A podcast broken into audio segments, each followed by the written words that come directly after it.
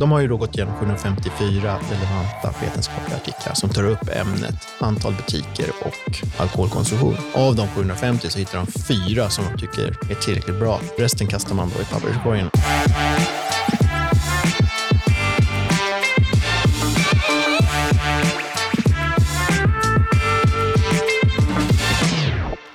Du lyssnar på Ekonomerna med mig John Norell och idag mitt emot mig har jag David Sundén. Välkommen hit, hur är läget? Tack, det är bara bra. Du är ekonomidoktor från Handelshögskolan här i Stockholm och har under många år arbetat med eh, samhällsekonomisk analys som konsult och statlig utredare och sådär. Ja, precis. Mm. Och du har bland annat skrivit en del om det svenska alkoholmonopolet. Precis, jag har skrivit en rapport åt ESO, expertgrupp, eh, som kom ut för ett par år sedan. Ja. Där vi diskuterade vad man skulle kunna göra med alkoholmarknaden. Och även en rapport här för Timbro. Precis. Ja. Och Det här är då ämnet vi ska snacka om idag. Eh, vad är det som gör dig mest frustrerad eller irriterad med det svenska alkoholmonopolet? När du känner du som mest liksom, ilska? Alltså mest ilska, det är väl när man går på Systembolaget och har bestämt sig för att köpa några goda öl och så finns inte de där. Eh, antingen slut eller så har de faktiskt inte det, på, det i sortimentet just på det Systembolaget man är på. Ja. Och Det kan göra mig ganska irriterad när man måste sätta sig i bilen eller gå en längre väg för att hitta det här ölet. Då. Jag blir nog, man vänjer sig ganska snabbt vid de dåliga, dåliga liksom öppettiderna och att det är liksom stängt på eh, eftermiddagen på lördag och, och på söndagen. Däremot, det, man, det jag liksom reflekterar mest över eh, är ju när man är utomlands och man plötsligt bara känner att man blir behandlad som en, som en vuxen människa. Eh, och där man faktiskt kan gå till ja, men, eh, livsmedelsbutiken liksom, som ligger bara liksom, några minuter bort och eh, ja, men, handla liksom, en, en, flaska vin eller några öl. Liksom. Det kan man inte i Sverige. Nej, det kan man inte i Sverige och, och det är lite frustrerande ibland såklart. Man gäller att planera och så, vilket jag är ganska dålig på. Jag går ju alltid och handlar på fredag. Ja. Uh, aldrig i förtid, utan då hamnar jag i köerna och Det är ju väldigt trist. Och gärna om man vill handla något på söndagen så är det ju helt omöjligt. Då. Ja. Så då får man stocka upp helt enkelt? Man får ha då måste lager. man bunkra. Och det är ju, som jag, för mig personligen, så är inte det så jättebra. För jag, jag, jag tittar i kylskåpet ett par gånger varje dag. Och då om jag ser då att det står öl där, så då kan de faktiskt åka ner. ja. Och kan vi inte, om vi börjar lite bara så. När fick vi ett monopol? Liksom? När, eh, hur, hur länge har vi haft liksom, det här Systembolaget? Ja, det är sedan 50-talet vi har haft det här. Och, eh, monopol och monopol, jag vet inte riktigt varför man kom på att vi ska kalla det för monopol, för det är ju inget ekonomiskt monopol som vi ekonomer pratar om, utan det är en ensamrätt för ett statligt bolag som heter Systembolaget att sälja alkohol till svenska mm. folket. Mm. Eh, och det monopolet har varit kvar mer eller mindre eh, konstant under den här hela den tiden? Ja, det var väldigt oförändrat sedan mm. starten. Mm. Man har ändrat lite öppettiderna. Man har, man har haft lördagsöppet, man har tagit bort lördagsöppet, man har lagt tillbaka lördagsöppet och så har man ja, förlängt eh, öppettiderna. Så nu kan man ju handla då fram till 19 på vardagar. Mm.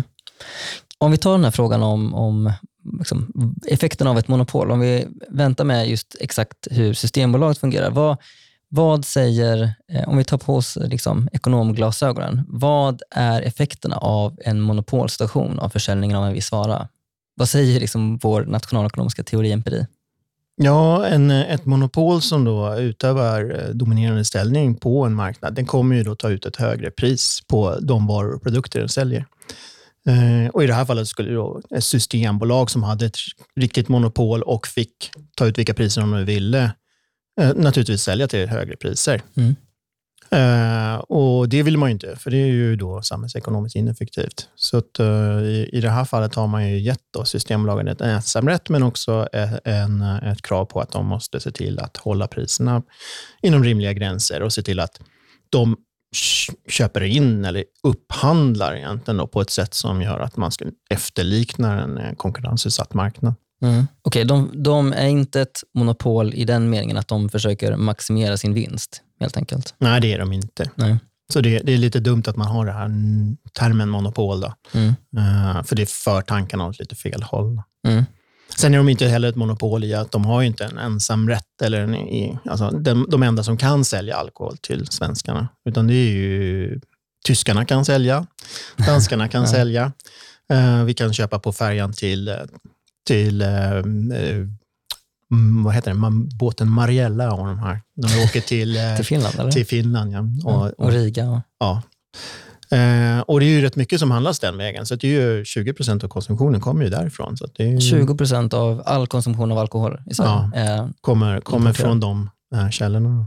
En grej som är lite speciellt med Systembolaget, det är ju att de gör ju en del reklam om sig själva och eh, berättar om sin verksamhet och hur bra de är. Och De släpper även rapporter eh, där de förklarar effekterna av att vi har ett alkoholmonopol och vad som, vad, hur fruktansvärt det skulle vara ifall vi tog bort det här eh, ensamrätten för Systembolaget att sälja alkohol i detaljhandeln. Vad är det de brukar liksom framföra i, i den här kommunikationen? Ja, det här började nog tror jag i samband med att eh, diskussionen om gårdsförsäljning. Mm.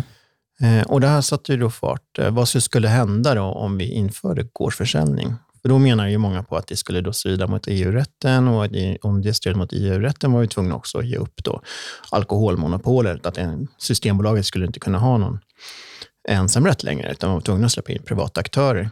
Och i och med det då så Vad är det bestämde... som skulle strida mot EU-rätten, att ha gårdsförsäljning? Ja, det får vi fråga dem om. Ja. Ah, okay. mm. Eh, Men i samband med det här så började Systembolaget då beställa rapporter och eh, en av de här rapporterna handlar ju då om vad skulle hända om Systembolaget avskaffades. Mm.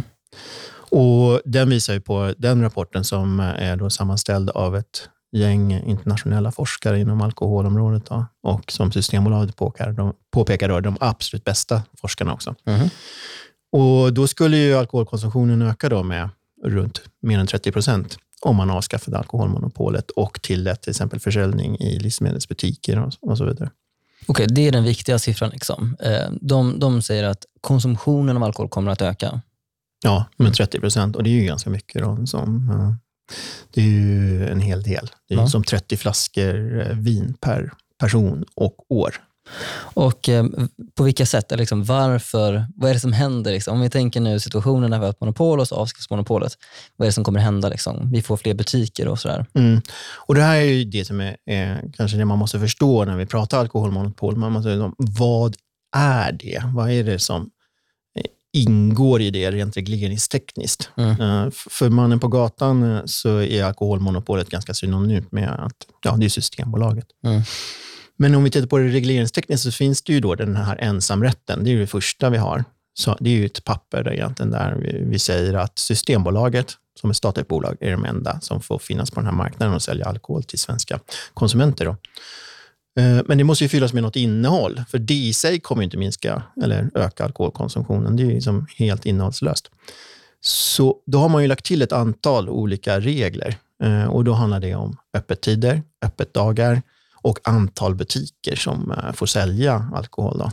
Okej. Eh, Och de här tre tillgänglighetsbegränsningarna, då, det är de stora som man menar på mm, begränsar då alkoholkonsumtionen. Mm. Så färre öppetdagar minskar alkoholkonsumtionen, färre öppettider, eller sämre öppettider liksom, Precis. Mm. eh, minskar också alkoholkonsumtionen. Mm. Och Det där har man ju då, då utforskat i det här pappret. Eh, Och Det är just de här tre sakerna som gör att alkoholkonsumtionen kommer öka väldigt mycket då om man lättar på de här tillgänglighetsbegränsningarna. Mm. Det är så de menar i alla fall. Okej, men om vi nu tar eh, en efter en nu då. Mm. Eh, fler, när vi avskaffar alkoholmonopolet, eller ensamrätten då, så kommer fler aktörer kunna sälja alkohol. Vi får helt enkelt fler butiker. Mm. Okej. Kommer det att öka konsumtionen? Ja, de menar ju på det. Eh, Och Då kan man ju titta på eh, vad de har skrivit om det här. Och Jag menar ju på att det här pappret så som Systembolaget har beställt av de här alkoholforskarna, det är ju världens bästa alkoholforskningspapper. För Mm. där i listar de ju alla de artiklar som stödjer det påståendet. De har ju då gått igenom 754 relevanta vetenskapliga artiklar som tar upp ämnet antal butiker och eh, alkoholkonsumtion. Mm. Av de 750 så hittar de fyra som de tycker är tillräckligt bra för att kunna användas. Bara Rest- fyra stycken? Ja, resten kastar man då i papperskorgen och säger Oj. det där är inte tillräckligt hög kvalitet. Men fyra hittar man i alla fall och bara den mängden gör att man blir lite orolig. För fyra artiklar som, eh, som säger sig påstå att det, det finns ett samband här. Mm. Eh, det är inte så där jättemycket. Man Nej. kanske skulle vilja ha tusen kanske. Och tittar vi på vad det gäller alkoholpriset och hur det påverkar alkoholkonsumtionen, där har vi ju just det. Vi kanske har tusentals sådana artiklar. Och, kombinerar man det med andra artiklar som kanske inte gäller just alkohol, så, så har vi ju ännu mer stöd för att just pris påverkar konsumtion. Mm. Fyra artiklar, det är ju inte speciellt mycket. Det är ingenting man hänger i julgranen. Utan bara där så är det ju då väldigt vanskligt. Mm. Sen är det ju så då att av de här fyra artiklarna så är den första som de eh, hänvisar till, den säger så här att ja, men det, påverkar inte alls. Hoppsan. Hoppsan, ja. Ja. ja. Så det var det första. Men det var ju ärlighetens namn. Det måste de ju ha cred för att de tog- med den. då. Och det, de tyckte att den var tillräckligt hög kvalitet, så att, men den visade på att det var ingen eh, effekt där.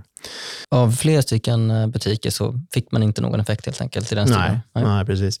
Och sen eh, är det en annan som säger, liksom författarna också direkt, här, den den här får inte användas i sådana här sammanhang, i policysammanhang, eftersom vi, vi kan bara upptäcka en korrelation mellan antal butiker och konsumtion. Och då kommer man in på det som kanske är mest spännande eh, för oss samhällsvetare idag. Just den här, vad är kausaliteten? Alltså, vilket Precis. håll går kausaliteten? Eh, vad är hönan och vad är ägget och vad kommer först? Eh, För hypotetiskt då så skulle det kunna vara så att eh, när det finns en högre efterfrågan så konsumerar människor mer, men det gör också att det finns en, ja, det kommer att uppstå fler butiker helt enkelt. Ja, självklart. Och är det så att man, man kan tänka sig vilken vara som helst som helt plötsligt börjar bli pop- populär, det kan vara tuggummi eller vad som helst. Ja, en paddel. Ja, eller paddel. Eh, det är väl knappast så att antalet paddelbanor har styrt eh, liksom efterfrågan på paddel. Utan det är ju snarare tvärtom att folk vill spela paddel. Ja. Eh, och när, när butiksägare har, ser liksom att eh, nej men det här är en jätte, jätteviktig produkt för konsumenterna, det är klart de också kommer ha det i sitt utbud Mm. i, i butiken. För vad händer annars? Ja, då, ja, konsumenterna kommer ju gå till den andra butiken och när de väl är där så kommer de börja handla där istället, alla andra varor. Då. Eh, och det här är ju jättetydligt eh, vad gäller även öl och alkohol, att efterfrågan kommer ju påverka antalet butiker som säljer eh, som öl eller vin eller vad det nu är. Mm. Och det finns ett jättebra exempel i en av de här papperna där man har ett diagram över eh, konsumtionen av öl i en av territorierna i Kanada. Jag kommer inte ihåg vilket territorium det var, men man ser hur det ökar över tid. Och i samma diagram så ser man också antalet butiker som säljer öl. Och de ökar liksom, ja, nä, nästan perfekt korrelation i, Mm. i samma takt. Eh, men det som händer efter ett tag är att efterfrågan på öl faller. Men inte antalet butiker som säljer öl, utan det fortsätter ju stiga. Mhm. Och det Ja. visar ju på att det är som en omvänd kausalitet i det fallet. Då. Så att eh, antalet butiker ökar trots att det, efterfrågan faller. Mm. Eh, och hade det varit så att antalet butiker styrde efterfrågan så hade det ju varit tvärtom. Då. Då, precis, då hade det fortsatt vara en högt, Ja. Hög konsumtion. Mm. Och det visar ju då bara på att det här är inte så lätt som man, eh, man eh, vill tro att det är. Man vill gärna tro att antalet butiker då bestämmer efterfrågan, men, men troligtvis är det många gånger tvärtom Mm. också. Och då har vi den här problem- problem- problematiken med endogenitet som gör att det, är, det blir jätte- jättesvårt. Och om du inte löser endogenitetsproblemet, det vill säga det här kausalitetsproblemet om vad som styr vad och hur mycket det påverkar varandra, ja då är det ju ganska värdelöst sådana här papper. Ja. Och nu, nu för tiden så kan du inte publicera ett empiriskt papper där du inte har löst endogenitetsproblemet. Nej. För den stora, stora faran med endogenitet är ju att du kan få ett omvänt omvänd kausalitet. Du kan få en, en så att säga, rekommendation till en politiker att göra en viss åtgärd, Mm. men den kommer bara förvärra problemet eftersom du har fått tvärtom resultat. Nej. Och det, det, det här, visar, det, här är, finns ju då med i en av artiklarna och de skriver ju tydligt att det här måste man ju vara försiktig med. Så att det här pappret kan vi inte ha med. Och, och, men sen så hänvisar ju de... Och det noterar också forskarna i, det här, eh, i Systembolagets studien då, eller? Nej, de noterar Nej. inte alls det. Nej, okej. Troligtvis för att de inte vet vad endogenitet är. Eh, och, och det här är ju inga statistiker, utan de är ju utbildade i andra ämnen. Det är ju medicinare Right, right. och, Ja. och De är inte ekonomer. beteendevetare. De är inte heller ekonomer. Nej. Någon av dem. Och det är ju otroligt intressant då att de ger sig in på att göra marknadsanalyser utan att kunna de här sakerna. Mm. Och än värre blir det då i de här två andra artiklarna, av de här fyra, så var det en som sa att inga problem. Eh, det, är liksom, det har ingen som helst Ingen eh, effekt, ingen effekt. Den andra som säger att ja, vi hittade korrelation, men det, det får man inte tolka på något sätt. Mm. Eh, och absolut inte använda. Och de två sista artiklarna, de klampar ju rakt ner i endogenitetsproblemet och missar det totalt och gör inga som helst eh, så att säga, justeringar för det. I- Igen då kausalitetsproblemet. Liksom. Ja, precis. Och, och dessutom så tar de inte med pris i sina analyser. Det, är det vi vet är ju att priset påverkar konsumtionen. Så att de tittar Ja. på omregleringar av marknaden och jämförelser mellan olika områden, men tittar inte på prisskillnader. Så att en omreglering av en marknad som leder till prisförändringar, Mm. ja, det, då vill vi ju ha med den prisförändringen för att klara hur, eh, hur konsumtionen påverkas. Tar du inte med det så blir det ju väldigt, väldigt fel. Precis. Fler butiker kan påverka priset som kan påverka konsumtionen. Nej? Ja, de har inte med pris överhuvudtaget. Så att, eh, om priset faller på en marknad efter en omreglering, då kommer du få en högre konsumtion. Ja. Och Det var precis det som gjordes i den här studien som är, British Columbia då i, i Kanada, när de gjorde en omreglering där de tog bort eh, monopolet och öppnade för marknaden. Mm. Eh, vad hände på den marknaden? Jo, marknaden blev effektiviserad av privata aktörer, priset på alkohol föll, alkoholkonsumtionen ökade. Mm. Eh, har man inte med så- pris då i, en analys så blir det ju väldigt fel. Med fler butiker, vad menar Systembolagets forskare skulle bli påverkan på konsumtionen? Om vi tillåter alkoholförsäljning i livsmedelsbutiker, då skulle alkoholkonsumtionen öka med 16 procent enligt eh, Systembolagets forskare. Mm. Men egentligen så finns det... Ja, det är ju deras tolkning av eh, de vetenskapliga artiklarna som, som Mm. jag då ganska kraftfullt underkänner. Ja. De, är, de, ingen av de här fyra kan ju stödja det Mm. fullt ut. Det finns inga studier som säger att ja, vi, vi, vi ökar antalet butiker så kommer konsumtionen öka. Det Mm. finns inga studier som säger så. Nej. Eh, och Speciellt inte då när man tittar på de här studierna som de lägger fram som bevis för att det skulle vara så. Eh, alla de är ju då i, ja, antingen inte tillräckligt bra eller så är det ju faktiskt så att de har visat på att det inte, inte sker. Om vi tar nästa då. Ehm, söndagsöppet. Mm. Hur påverkas eh, konsumtionen av att vi även har öppet systembolag, eller med även öppet butiker på söndagar? Mm. Ja, söndagsöppet är ju ganska intressant, för det, det har vi inte haft i Sverige eh, under monopolets tid. Eh, och Det man har då papper på och vetenskapliga studier på, det är USA och Kanada. Mm. Och det plockar man ju upp, så man har ju undersökt det och man har hittat eh, tre papper, vetenskapliga artiklar av 1500 undersökta. Då. 1500 som nämnde söndagsöppet, men bara... Nej, som, Bara tre som, som diskuterade frågan öppet dagar, öppet tider och eh, alkoholkonsumtion. Och då var det bara tre som var tillräckligt bra. Tre var tillräckligt bra enligt eh, Systembolagets forskare. Något. Och tittar man på dem så var det inte alls så där klockrent heller, utan det var ju tre studier som visade. En visade på att eh, det var inga förändringar i Kanada. Nej. Så söndagsöppet så innebar inte att man eh, eh, totalt sett köpte mer alkohol. Och det som hände var att man köpte mer alkohol på söndagar såklart. Eftersom folk gick från att inte köpa någonting till att ändå kunna köpa, köpa något. Precis. Men det kompenserades av att man köpte mindre de andra dagarna. Ja. Så det fanns ingenting där. Eh, sen fanns det en artikel som eh, visade på att ja, det ökade alkoholkonsumtionen i, i, i USA i några stater där man hade eh, öppnat upp för söndagsöppet. Och så fanns det ett tredje papper som visade på att ja, i vissa stater i USA så ökade konsumtionen, i andra stater ökade inte konsumtionen. Okej, en lite otydligt vad effekten på totalen skulle vara helt enkelt. Ja, helt otydligt. Och, men det som är intressant här är hur eh, Systembolagets forskare väljer att tolka det här. De menar ju då på i slutändan när de har tittat igenom de här papperna att som mest så skulle söndagsöppet höja konsumtionen med en procentenhet. Jaha. Mm. Ungefär en flaska vin per svensk och år. Då. Ja. Eh, och det, okej. det är då som mest. Och då kan man ställa sig den frågan, ja, är det eh, okej? Ja, troligtvis. En procent är ju mindre än felmarginalen i de här undersökningarna vi Mm. har om hur mycket svensken dricker. Mm. Mm. Så att det, det, är ju, det kommer inte märkas egentligen då i, i statistiken. ens. Längre öppettider, hur skulle det då påverka konsumtionen? Mm.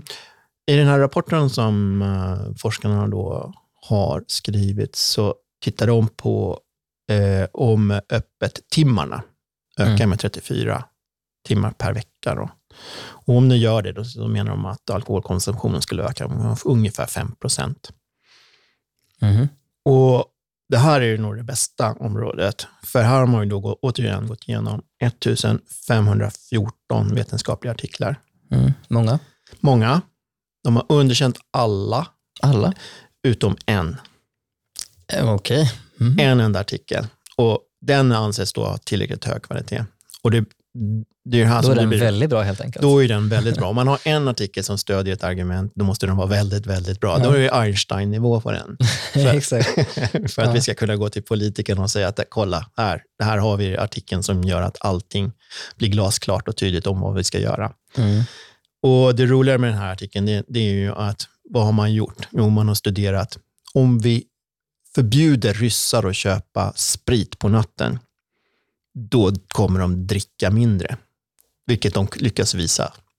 Så konsumtionen i ryska, som- vad det kallas, oblast, den minskar om man förbjuder eh, ryssarna att köpa alkohol, äh, sprit på natten. De får fortfarande köpa öl, det är okej, men right. Ja. Eh, och, och då har man en signifikant effekt på det där. Då. Eh, och Inte riktigt eh, applicerbart kanske, eller? nej, inte överhuvudtaget, måste man nog säga. Eh, och den där har jag ju försökt traggla mig igenom, den där artikeln, och den är ju svårt dålig Ja. skriven. Det är ju väldigt svårt att förstå exakt vad de har gjort. Men återigen så har man gjort då någon sorts ja, experimentell eh, del där, ja, ja, vi tittar på före förbudet, så tittar vi efter förbudet, vilket är så, så man ska göra. Mhm, mm. Men då har de också glömt att titta på ändrar sig priserna någonting. Då. Mm. Och det borde de ju rimligtvis ha gjort då, om man stänger ner butikerna de, en större del av natten för försäljning då, och så vidare. Så att återigen har man missat det. Sen är ja, endogenitet är ju inte ett tal om att man tittar på sådana saker. Ehm, så att, eh, men samtidigt så behöver man kanske inte gå in på de delarna, de här tekniska detaljerna, för det, det är ju uppenbart att det här har ingen relevans för Sverige. Nej. Eh, och det handlar ju också om att, eh, att man stänger ner, att man minskar öppettiderna under en väldigt speciell period på dygnet också. Mm. Jag tror ingen, jag tror, eh, ytterst få kommer väl kräva att vi ska ha nattöppet för alkoholförsäljning, om vi nu skulle omreglera alkoholmarknaden. Jag tror de flesta sa, ja, ja, det kan, vi kan kanske ta den, ta den, det o, o, obehaget av att inte kunna köpa en vodka, eh, mitt i natten klockan tre. Men det kan vara Mm. andra som tycker något annorlunda. Men, Det man skulle tillåta liksom, restauranger, och pubbar och barer att också kunna sälja take away. Då Mm. hade man kanske till, då hade det liksom följt av det. Men Ja, precis. Om man ska, eh, för det är fler områden de, de tar upp kanske, eller? Ja, de diskuterar ju många olika områden och, eh, som vi inte kanske tagit upp här. Då. Men eh, det finns ju till exempel kampanjer som de pratar om. Att, eh, eh, på ett sätt så säger de att om det svenska alkoholmonopolet faller, ja, då faller också hela den marknadsföringsreglering vi har, vilket inte är uppenbart. Mm. Men någonstans menar de det ändå. Och bara genom det då så skulle alkoholkonsumtionen öka med 5% Men det är ju något så här, vi kan ju mycket väl ha kvar allt det där på en privat marknad. Det är ju ingenting som behöver ändras bara för att vi eh, tillåter konkurrens på marknaden. Nej. nej. Eh, och sen så diskuterar de ju även priser då, att priserna kommer att ändras eh, om vi skulle ändra all, eh, eh, tillåta konkurrens. Och det är ju med stor säkerhet så. Och det har vi ju sett i, i både i Kanada och USA att priserna har både stigit och fallit beroende på... Samtidigt? Nej, men i olika områden. då. Okej. Så i vissa områden har ju då alkoholmonopolet eller det motsvarande systembolaget i det området varit otroligt framgångsrika och kunnat utnyttja sin så säga, marknadsmakt i i inköpen. Precis. Det betyder ju att när vi då konkurrensutsätter marknaden, så ja, då kommer det tillkomma kostnader, eh, vilket gör då att eh, priserna stiger efter omregleringen. Eh, samtidigt får man ju se det som också de högre priserna lite som att ja, men vi kommer ju säkerligen få bättre tillgänglighet, högre tillgänglighet, högre, eh, fler öppetdagar kommer ju Mm. kosta, fler öppettimmar Och det kommer ju betalar kosta. man genom ett högre pris då? Det betalar man ju Mm. genom ett högre pris helt enkelt. Men, men där finns ett tydligt, eh, eh, där finns ett tydligt forskningsresultat om att eh, hög, eller lägre pris leder till högre konsumtion. Ja. Mm. Men det intressanta här är ju att vi vet ju inte riktigt vad som kommer hända om vi avreglerar eh, alkoholmarknaden eh, med priset. Då. Eh, Blir det högre eller lägre? Men allting tyder ju på att marknaden kommer effektiviseras, åtminstone i Sverige. Och det menar ju de, Systembolagets alkoholforskare på också. Och mina egna så beräkningar visar ju också på det när jag har gjort liksom, större över hela marknaden och jämfört liksom, svenska alkoholprismarknaden Mm. med, eh, eller alkoholmarknaden med eh, till exempel Tyskland och Danmark. Och där ser man att Systembolaget verkar inte vara så vassa på inköpen.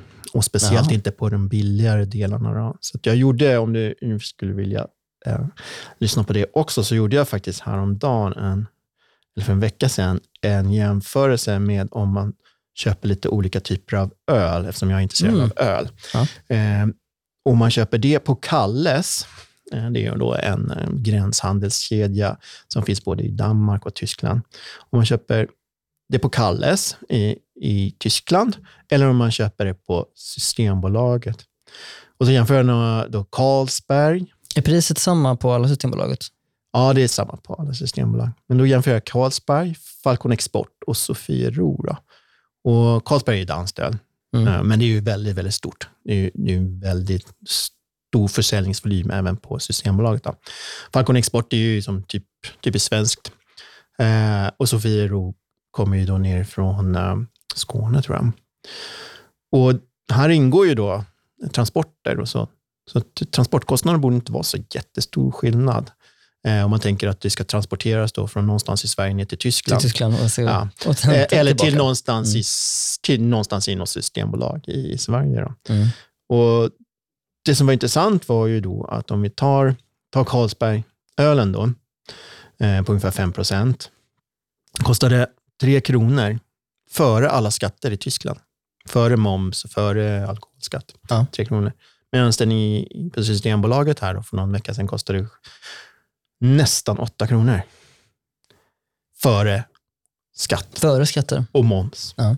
Så det är en markup på 162 procent då, som man får på den här Carlsbergölen. Eh, som inte har med skatter att göra överhuvudtaget. Tittar man på då Falcon Export och Sofiero, ja då kostar de 3 ja, 3,20 för Falcon Export. Den, men i Sverige kostar den fy, nästan 5 kronor. Så det är markup på över 50 procent.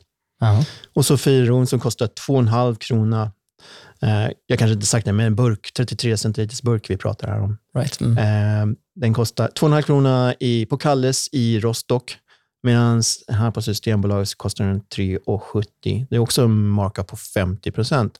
Så det är ganska stora prisskillnader. Och det kan inte förklaras av eh, skatter och Nej, moms nej. och alkoholskatter? Nej, så det är då priset som Systembolaget tar ut eh, eller får köpa för plus deras tillägg. Ja.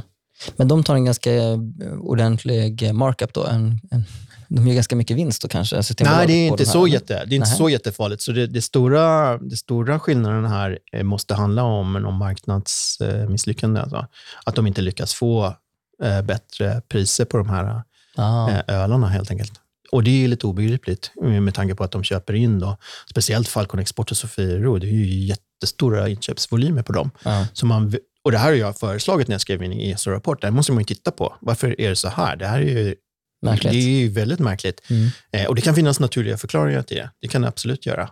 Men eh, varför ska vi betala mer pengar för alkoholen eh, på grund av att Systembolaget inte lyckas köpa in den tillräckligt billigt? Mm. Eh, så att eh, det man kan se det är de här tyska priserna som någon sorts marknadspriser eh, givet konkurrensutsättning. Mm. Och, och då, är det ju in, då ser det inte så bra ut för Systembolaget. Så Nej, att, eh, vi får väl se om den nya regeringen kanske tittar på det här vill, f- kanske får en förklaring till varför det ser ut så här. Hur skiljer sig skattenivåerna mellan, eh, ja, säg Sverige och eh, Tyskland eller Danmark eller andra länder och sådär? Mm, jag har, jag har för öl, öl har jag i alla fall. Men om man tittar på, bara om vi tar momsen direkt först, så kan vi se att i Tyskland så är det 19 eh, procent då i pålägg, medan i Sverige så är den 25 då naturligtvis. Mm. Eh, Men ölskatten i Sverige, den är ju två kronor per volymprocent och liter. För att göra det lite enklare så kan man säga att det är 202 kronor för öl som är ren sprit. Då. Mm. Eh, Medan i Tyskland så är den 21 kronor. Så det är alltså en faktor 10 i skillnad på vad det gäller ölskatt. Och i eh, Tyskland har man ju ingen skatt på vin heller. Nej, Mm, bara på mousserande vin tror jag. okej. ja. Jag, eh, de ska ju höja skatten nu vid årsskiftet. Ja, precis. Det här är gamla skatterna. Ja. Precis. Vet du vad, vad blir de nya skattenivåerna? Hur mycket, hur mycket blir det? Blir det, mycket Nej, det blir inte så mycket mer. Nej. På ett sätt så är det väl rimligt sådär att, att eh, även de här alkoholskatterna höjs i takt med, att inflation, med inflationen. Eh, problematiken här är ju att eh, alkoholskatterna är inte indexerade, så att man måste ta de här besluten då och då. Mm. Och på ett sätt är ju det rimligt i och med att vi har den här så stora utlandshandeln. Alltså 20 procent kommer från eh, insmugglat eller egeninfört. Och höjer du skatterna för mycket då i Sverige så kommer det här påverkas. Folk kommer åka mer till Tyskland, Danmark för att handla eller till Precis. Finland och så vidare. Vi får öka, alltså smugglingen kommer ju att öka i, Mm. när man höjer skatterna. Alltså redan Ja. idag, jag, jag skrev om detta i, i våras, en artikel, och då räknade jag ut, den, den mest, eh, vet du vad den mest sålda spritflaskan på Systembolaget var förra året? Ja, det är väl eh, Explorer? Jajamensan. Och eh, vad tror du, hur mycket tror du av, av priset, hur mycket tror du är alkoholskatt och moms? Eh, av priset så borde det vara, ska vi se, det borde vara 70 procent. Nej, det är 87 procent. 87 procent till och med. Ja, Det på den helt- flaskan. ja, det kan jag tänka mig Ja, på på- Explorer. Det är lite olika på de Ja. olika, men, Mm. men det är liksom, eh, ja, en av de läg, liksom, billigaste flaskorna. Ja, precis. Eh, och på, på vissa av de här billigaste spritflaskorna, alltså, eh, skatten blir ju ändå väldigt hög eftersom att det beror på eh, andelen sprit. Eh, men då kan leverantörens pris eh, vara så lite som 17 kronor för en flaska som för slutkonsumenten då kostar eh, över 200 kronor. Mm, mm. Vilket är ju helt otroligt galet att det Ja, är är sådana. extrema. mm, Eh. Medan om man köper liksom en eh, från vodkabilen, liksom, Mm. eh, köper ful vodka, ja, men den kostar väl typ 150 spänn liksom, från, från bakluckan. Mm. Eh, och där, där gör ju liksom, och det har ju Systembolaget har ju en rapport som visar det att ja, men de här smugglarna de, de gör reklam på liksom, Instagram och på Snapchat. Mm. Och de kollar ingen lägg på, på de som kommer och köper, utan det är ju eh, unga personer mellan 17, ja, 16, 17, 18. Eh, när man frågar dem så uppfattar de som att det är, det är enkelt att få tag på alkohol nu för tiden. Ja, ja, jag tror tillgängligheten vad det gäller den vägen eh, har ökat extremt mycket. Mm. Och det är ju inga problem. Jag har ju tre barn. Det är ju som, jag vet ju hur det går till. Det är så? Det är Ja. ju bara, ja, ja, det är väl inget svårt att få tag Det kan väl ta max en timme så har man alkohol i handen. Ja. Ehm, så att, ehm, om man nu vill, om man verkligen är driftig. Och det, det finns en problematik där också i och med att den här alkoholen är billigare. Eh, och Det gör ju att du dricker mer. Och speciellt ungdomar är ju pris, mycket mer priskänsliga. Mm. Så att eh, när de går till, eh, eller går och handlar hos de här, eller beställer via de här på, på Instagram eller vad det nu blir, så får de väldigt billigt alkohol och de köper, eh, köper troligtvis lite mer. Mm. Och konsumerar säkert lite mer. Mm. Eh, nu när vi ändå diskuterar då smuggling och gränshandeln, eh, om man nu tog bort det svenska alkoholmonopolet, eller ensamrätten i detaljhandeln för Systembolaget, vad hade hänt med smugglingen och, och gränshandeln? Ja, det beror ju på. Om vi om vi tar bort priseffekter då. Så, eh, troligtvis så skulle ju alkoholpriserna falla, men det skulle ju snabbt då åtgärdas med högre skatter troligtvis. Så om vi tar bort priseffekterna.